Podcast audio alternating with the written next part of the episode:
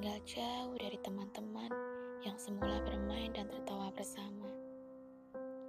Tapi kamu perlu tahu bahwa di dunia ini tak ada yang namanya terlalu cepat atau terlalu lambat. Kita semua berjalan sebagaimana perputaran yang ada,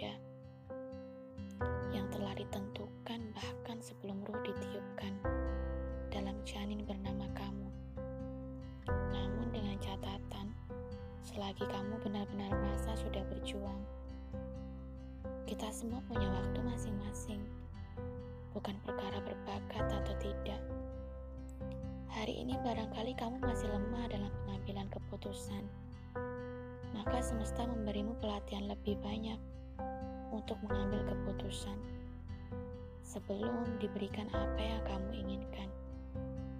Sebab impianmu perlu kamu yang